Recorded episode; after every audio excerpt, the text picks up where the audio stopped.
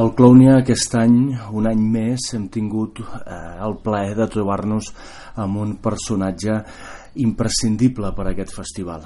Ell és Ivan Prado, portaveu de Pallassos en Rebeldia, pallasso i activista que des de Lugo ha viatjat pel món doncs, que segueix viatjant pel món i que doncs, es converteix aquí al Clownia, en paraules de l'Alguer Miquel, en una espècie de xaman que els permet fer teràpia. La teràpia del riure, de l'alegria d'aquest pallasso compromès. Eh, volem tornar a parlar amb ell una vegada més perquè ell té una visió del que significa el Clownia molt interessant que val la pena que sentim una vegada més aquí, a la veu de Sant Joan. Per tant, saludem a Ivan Prado. Hola Iván, Hola. estamos aquí en el albergue, en el Sí. albergue de San Juan de las Abadesas, un año más De en el nuevo. Colonia, Ajá. con Iván Prado. Y bueno, tenemos ocasión de volver a vernos, por tanto, de hacer otra entrevista. Venga, Venga, pues, súper feliz de estar de nuevo con, con la voz de San Joan. la veu de Sant La Joan. veu. Molt bé. Pues, eh, a ver, lo primero que se nos ocurre preguntarte, sales ahora de una charla aquí en el Spy Conciencia. Ajá. El festival también ha ido, digamos, evolucionando, o, o la parte del festival que ha evolucionado más eh, ha sido esta, del Spy Sí. Conciencia. Eh, tú empezaste a venir, pues, eh, desde Payasos en Rebeldía, Ajá. dentro, ¿no? Para hacer espectáculos y Sí. trayendo, Sí. trayendo a, a- Artistas. artistas al festival, pero hoy, por ejemplo, pues estabas de activista. Sí. Em, Tú llevas mucho tiempo en esto de Payasos en Rebeldía. Bueno, desde que nació en el año 2003, después de un viaje a la Franja de Gaza, dentro del FestiClown, que es el festival que organizamos en, desde el año 2000 en Galicia y ahora en varios países del mundo, y me tocó ser el portavoz, son 15 años portavoceando el colectivo a nivel internacional y ahora ya me toca dar el relevo y, y con el final de mi gira de 5 años y medio, pues también ceder ese lugar, pero sí, estoy desde, desde que empezó porque es un sueño. Y este sueño, o sea, nace de un festival en Galicia, Sí, donde empezáis a traer gente de otros lugares del mundo y Sí. sois entonces termináis siendo vosotros los que viajáis, los gallegos. Total, eh, muy determinado planteamos una política cultural que confrontase la política de cemento de Manuel Fraga, las grandes inauguraciones y, y la tierra quemada por el ejército de Atila de la Junta de Galicia y entonces en ese proyecto eh, descubrimos que el clown era estratégico porque el clown no tiene cuarta pared, porque el clown es democrático, porque toma las calles, toma los bares, toma las plazas y consigue vincular al público de una manera activa ¿no? en el propio show. Entonces, como, como disciplina artística ya en sí mismo era súper democrático y rebelde porque nace de enfrentarse al poder. Y entonces empezamos de una manera absolutamente utilitarista con el clown, solo que el clown nos enamora Empezamos con el FestiClown como una manera de, de- de luchar contra las políticas de Fraga y acabamos haciendo del festival un lugar a nivel europeo de referencia y además consiguiendo que se financien proyectos sociales a través del teatro y dentro de eso en el 2002, 2003 nace Payasos en Rebeldía y como no teníamos que mandar ese dinero de las taquillas de forma lúdica a los lugares donde la humanidad se juega en el futuro como, como Palestina acabamos teniendo que crear ir. Crear la propia herramienta, el puente que nos hacía ir, ¿no? Y es divertido porque el FestiClown nace con esa voluntad de transformación social, genera Payasos en Rebeldía, y Payasos en Rebeldía en el 2011 lleva FestiClown a Palestina. Entonces es como un viaje de ida y vuelta, un círculo que, de alguna manera, una espiral que no deja de crecer y que hace que el proyecto tenga mayor sentido si cabe. Muy bien. En, en, en Galicia se sigue haciendo festival Sí. cada año. Sí.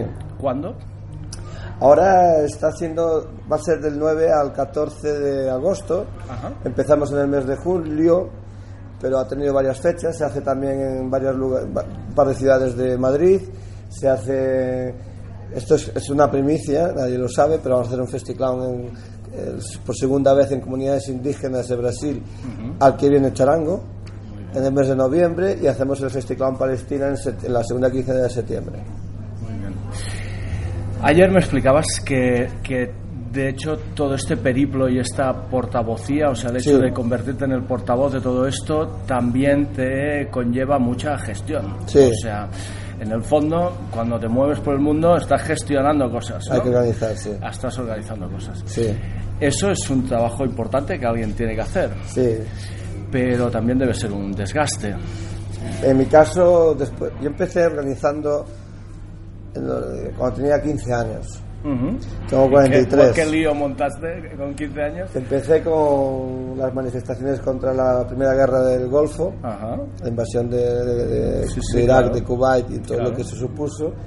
y luego me puse a trabajar y monté un sindicato en mi empresa, hice las elecciones sindicales. Tenía, estaba negociando con el alcalde de Lugo y no tenía ni 18 años, era ilegal.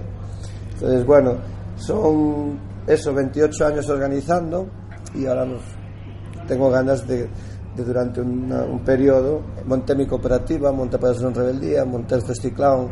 Siempre me he generado los espacios, ¿no? Por, Un poco por nerviosismo personal, supongo, ¿no? por, inquietud. Y ahora pues me, me toca descansar y vivir más la parte creativa. Muy bien. Esta mañana aquí en el festival dabas una, una clase, ¿cómo lo llamarías? Un taller. Sí, un taller. Un taller, un taller de clown. Sí. Y, y, ahí está la parte creativa también.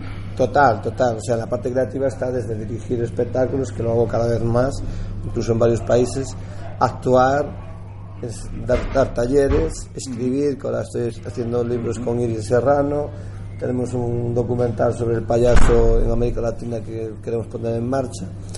Hay muchos aspectos, ¿no? Quiero hacer un corto con Sergi de, Charango en el Sáhara. Hay varios, varios frentes abiertos ahí en, en, el aspecto creativo. Muy bien. Oye, pues, eh, ¿y, el Clownia qué ha representado un poco? ¿Qué, ¿Qué, paso dentro de todo este periplo tuyo? Porque te hemos tenido aquí una vez al año, por lo menos, y a veces más de una vez al año, ¿no? Sí. Eh, en este pueblecito aquí, en el Prepirineo. Entonces, para ti, para nosotros, es bueno, dices, hostia, está el Iván, ha llegado el Iván, ¿no? O vamos a llamar al Iván, vale. Eh, pero, a ver dónde lo pillamos, en qué aeropuerto lo pillamos. Pero para ti, venir aquí, ¿qué significa? Significa varias cosas. Significa casa. Yo me siento en casa en San Juan, porque para mí Charango es mi familia, Algué es mi hermano, y el Claunia es mi casa, es mi casa. Puedo no venir todos los años, porque no, corresponde tampoco, pero es mi casa. Entonces, por un lado, casa. Por otro lado, es el festival en el que yo empecé a amar los festivales de música. Después de organizarlos y de asistir, fue donde yo encontré un sitio de ingeniería social y política en donde yo me sentía feliz. Y después tiene que ver mucho con el crecimiento de Charango como proyecto social ¿no? dentro de la música, ver que Charango a través de Cultura en Causa, vínculo que tiene con nosotras, vínculo que tiene con el Esperanza, eh, sus, viajes a los campos de refugiados, está haciendo del, del una plataforma, una pasarela de la música y el arte como herramienta de transformación social única en Cataluña.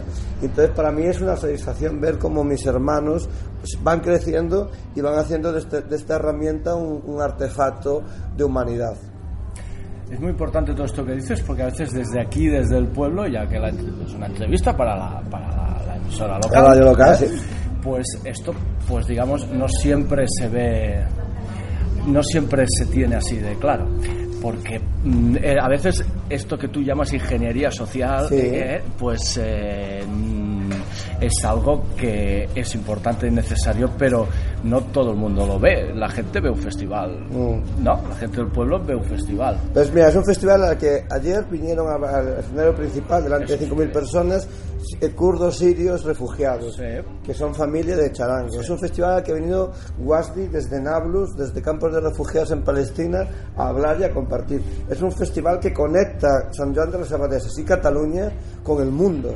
Entonces, puede ser que a veces se nos va ¿no? el detalle cuando estás muy cerca del cuadro, no ves todo el cuadro, no ves todos los detalles, pero hay que reconocer que el Claunia coloca a las Abadesas, coloca al Ripoll, los Ripollés, lo coloca en, en, una conexión internacional, en una internacional del, del arte y la solidaridad única.